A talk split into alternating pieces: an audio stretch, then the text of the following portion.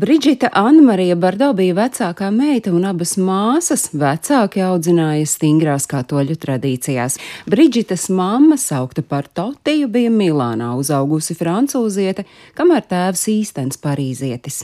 Bērnība Brigitai nebija tā vieglākā. Viņa bija neglīts bērns ar alerģiskiem izsitumiem, nācās valkāt kā brilles tā zobu skavas un likumsakarīgi savā bērnībā meitene par izskatu ļoti kaunējusies. Kā pati vēlāk atzinusi, deguns bijis šausmīgs, mute neglīta, vaigi pārāk apaļi, bet acis mazas mazītiņas. Kamēr jaunākā māsa bija ģimenes mīlule, Brigita tikmēr piedzīvoja neglītā pīlēna likteni. Māma nereti teikusi, ka vecākā meita ir ne tikai neganta, bet arī neglīta. Bet tā kā Brigitas Bordo mamma jaunībā bija mācījusies baletu, gadu, tad šo taciņu nācās iet arī abām meitām, un jau kopš septiņu gadu vecuma abas apmeklēja deju meistarklases.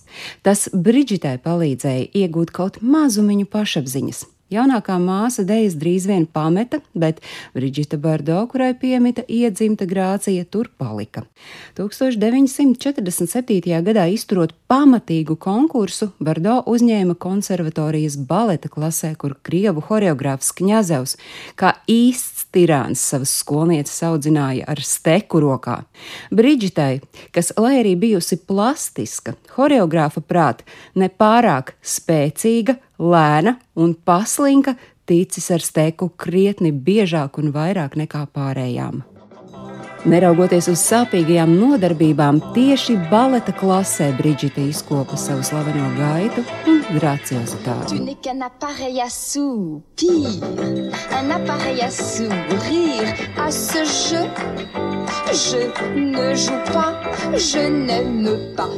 Kad Brigita Bardo mamma atvēra modes veikalu, meiteni kā manekeni pamanīja žurnāla Elle radītāja, kura par Bardo teikusi, ka lūk, Viņa ir nākotnes sieviete. Kad Brigita parādījās modes žurnālos, viņai pavērās kino pasaules priekškars. Viņu aicināja uz kino provēm, bet tam iebilda vecāki. Viņi kino sauca par vulgāru, bet aktieru profesiju par nepiedienīgu.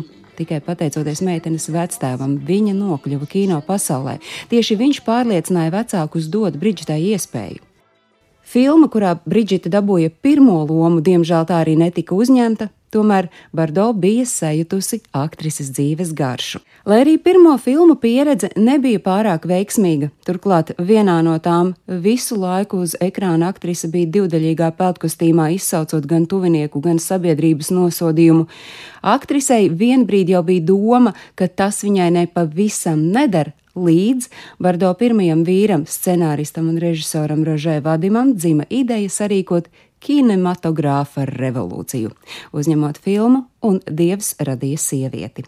Skatītājs satrieca tiem laikiem atklātās ainas, notika pamatīga šūmēšanās par Bardo varonas provokatīvo un vaļīgo uzvedību, kailskatiem un dejām uz galda. Tikmēr filma piedzīvoja fenomenālus panākumus, bet Brigita Bardo ieguva pasaules slavu, kas pavadīja aktrisi turpmākos gadus. Tieši tāpēc viņu mēdz dēvēt par pagājušā gadsimta 50. Un 60. gadu seksa simbolu, modes noteicēju seksuālās brīvības, dumpinieciskuma un brīvdomības simbolu. Brigita kontā ir vairāki desmiti filmu, bet, kad pēc diviem gadu desmitiem viņa sāka pagurt no slavas un pienākot 1973. gada 17. jūnijam, Brigita Bardo paziņoja par kino karjeras beigām. Sakot, ka viņa par kino tā īsti nekad nesot interesējusies un filmējusies tikai peļņas dēļ. Darbošanos kino viņa nereti saukusi par nekam nederīgu, tukšu, nevajadzīgu, nicināmu un apsmejamu.